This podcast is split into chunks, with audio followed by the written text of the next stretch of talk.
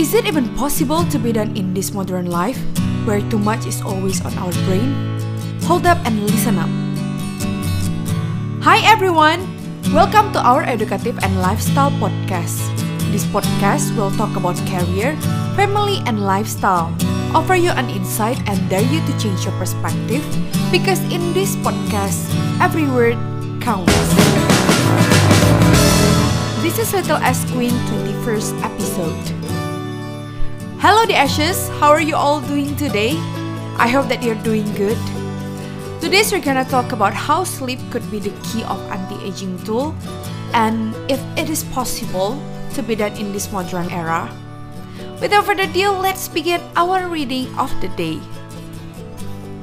A model's best kept secret. Though we age both externally and internally, both physically and mentally, one of the things that tells us the most about people's age is their skin, which takes on different texture and colors according to processes going on beneath the surface. Most of those who make their living as models claim to sleep between 9 and 10 hours the night before a fashion show. This gives their skin a taut, wrinkle free appearance and a healthy and radiant glow.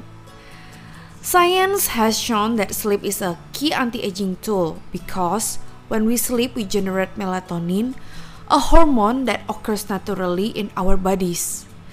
The pineal gland produces it from the neurotransmitter serotonin according to our diurnal and nocturnal rhythms, and it plays a role in our sleep and waking cycles. A powerful antioxidant melatonin helps us sleep longer and also offer the following benefits. First, it strengthens the immune system. Second, it contains an element that protects against cancer. Third, it promotes the natural production of insulin. Fourth, it slows the onset of Alzheimer's disease. Fifth, it helps prevent osteoporosis and fight heart disease. For all these reasons, melatonin is a great ally in preserving youth.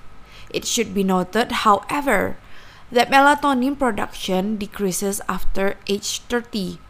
We can compensate for this by eating a balanced diet and getting more calcium, soaking up a moderate amount of sun each day, getting enough sleep, avoiding stress, alcohol, tobacco, and caffeine, all of which make it harder to get a good night's rest, depriving us of the melatonin we need.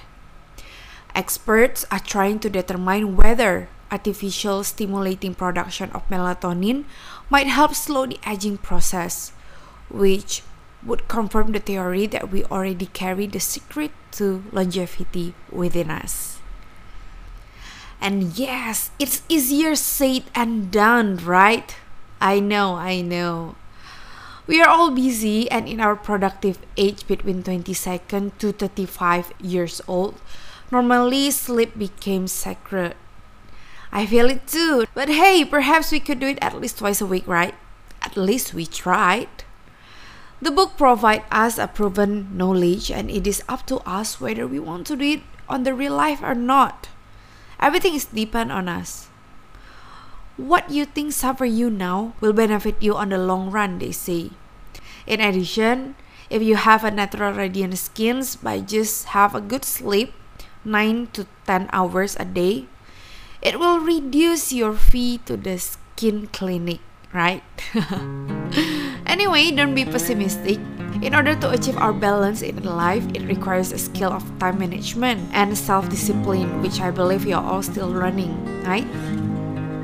I want you to observe your sleep time and yes, write it in somewhere and spend some time about it and think how can you make it better? How can you improve your sleep quality and your sleep timing?